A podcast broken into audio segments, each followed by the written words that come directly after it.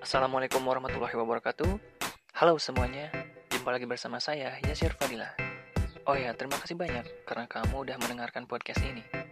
Senang bisa ketemu kamu di sini dan saya ingin berbagi tentang tips pengembangan diri, karir, skills, atau cara yang bisa membuat kamu menjadi lebih baik. Karena saya tahu kamu punya potensi. Mari kita mulai.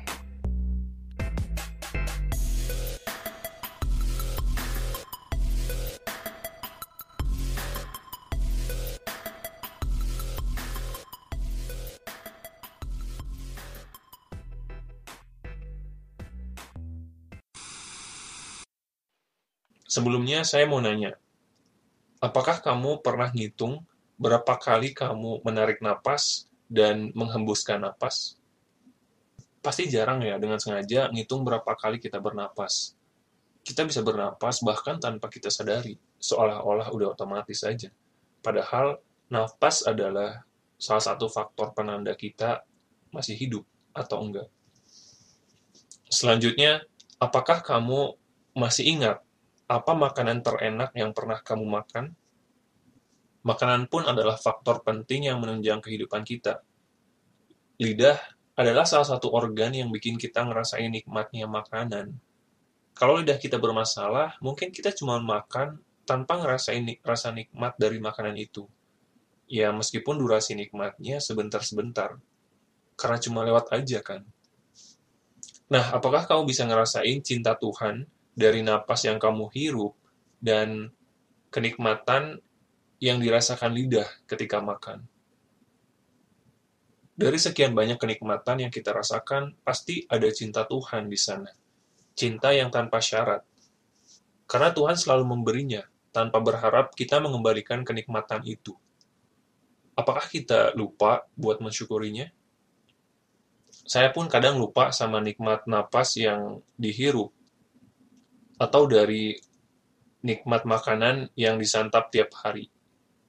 Tapi semoga ini bisa jadi pengingat buat kita semua, termasuk saya sendiri.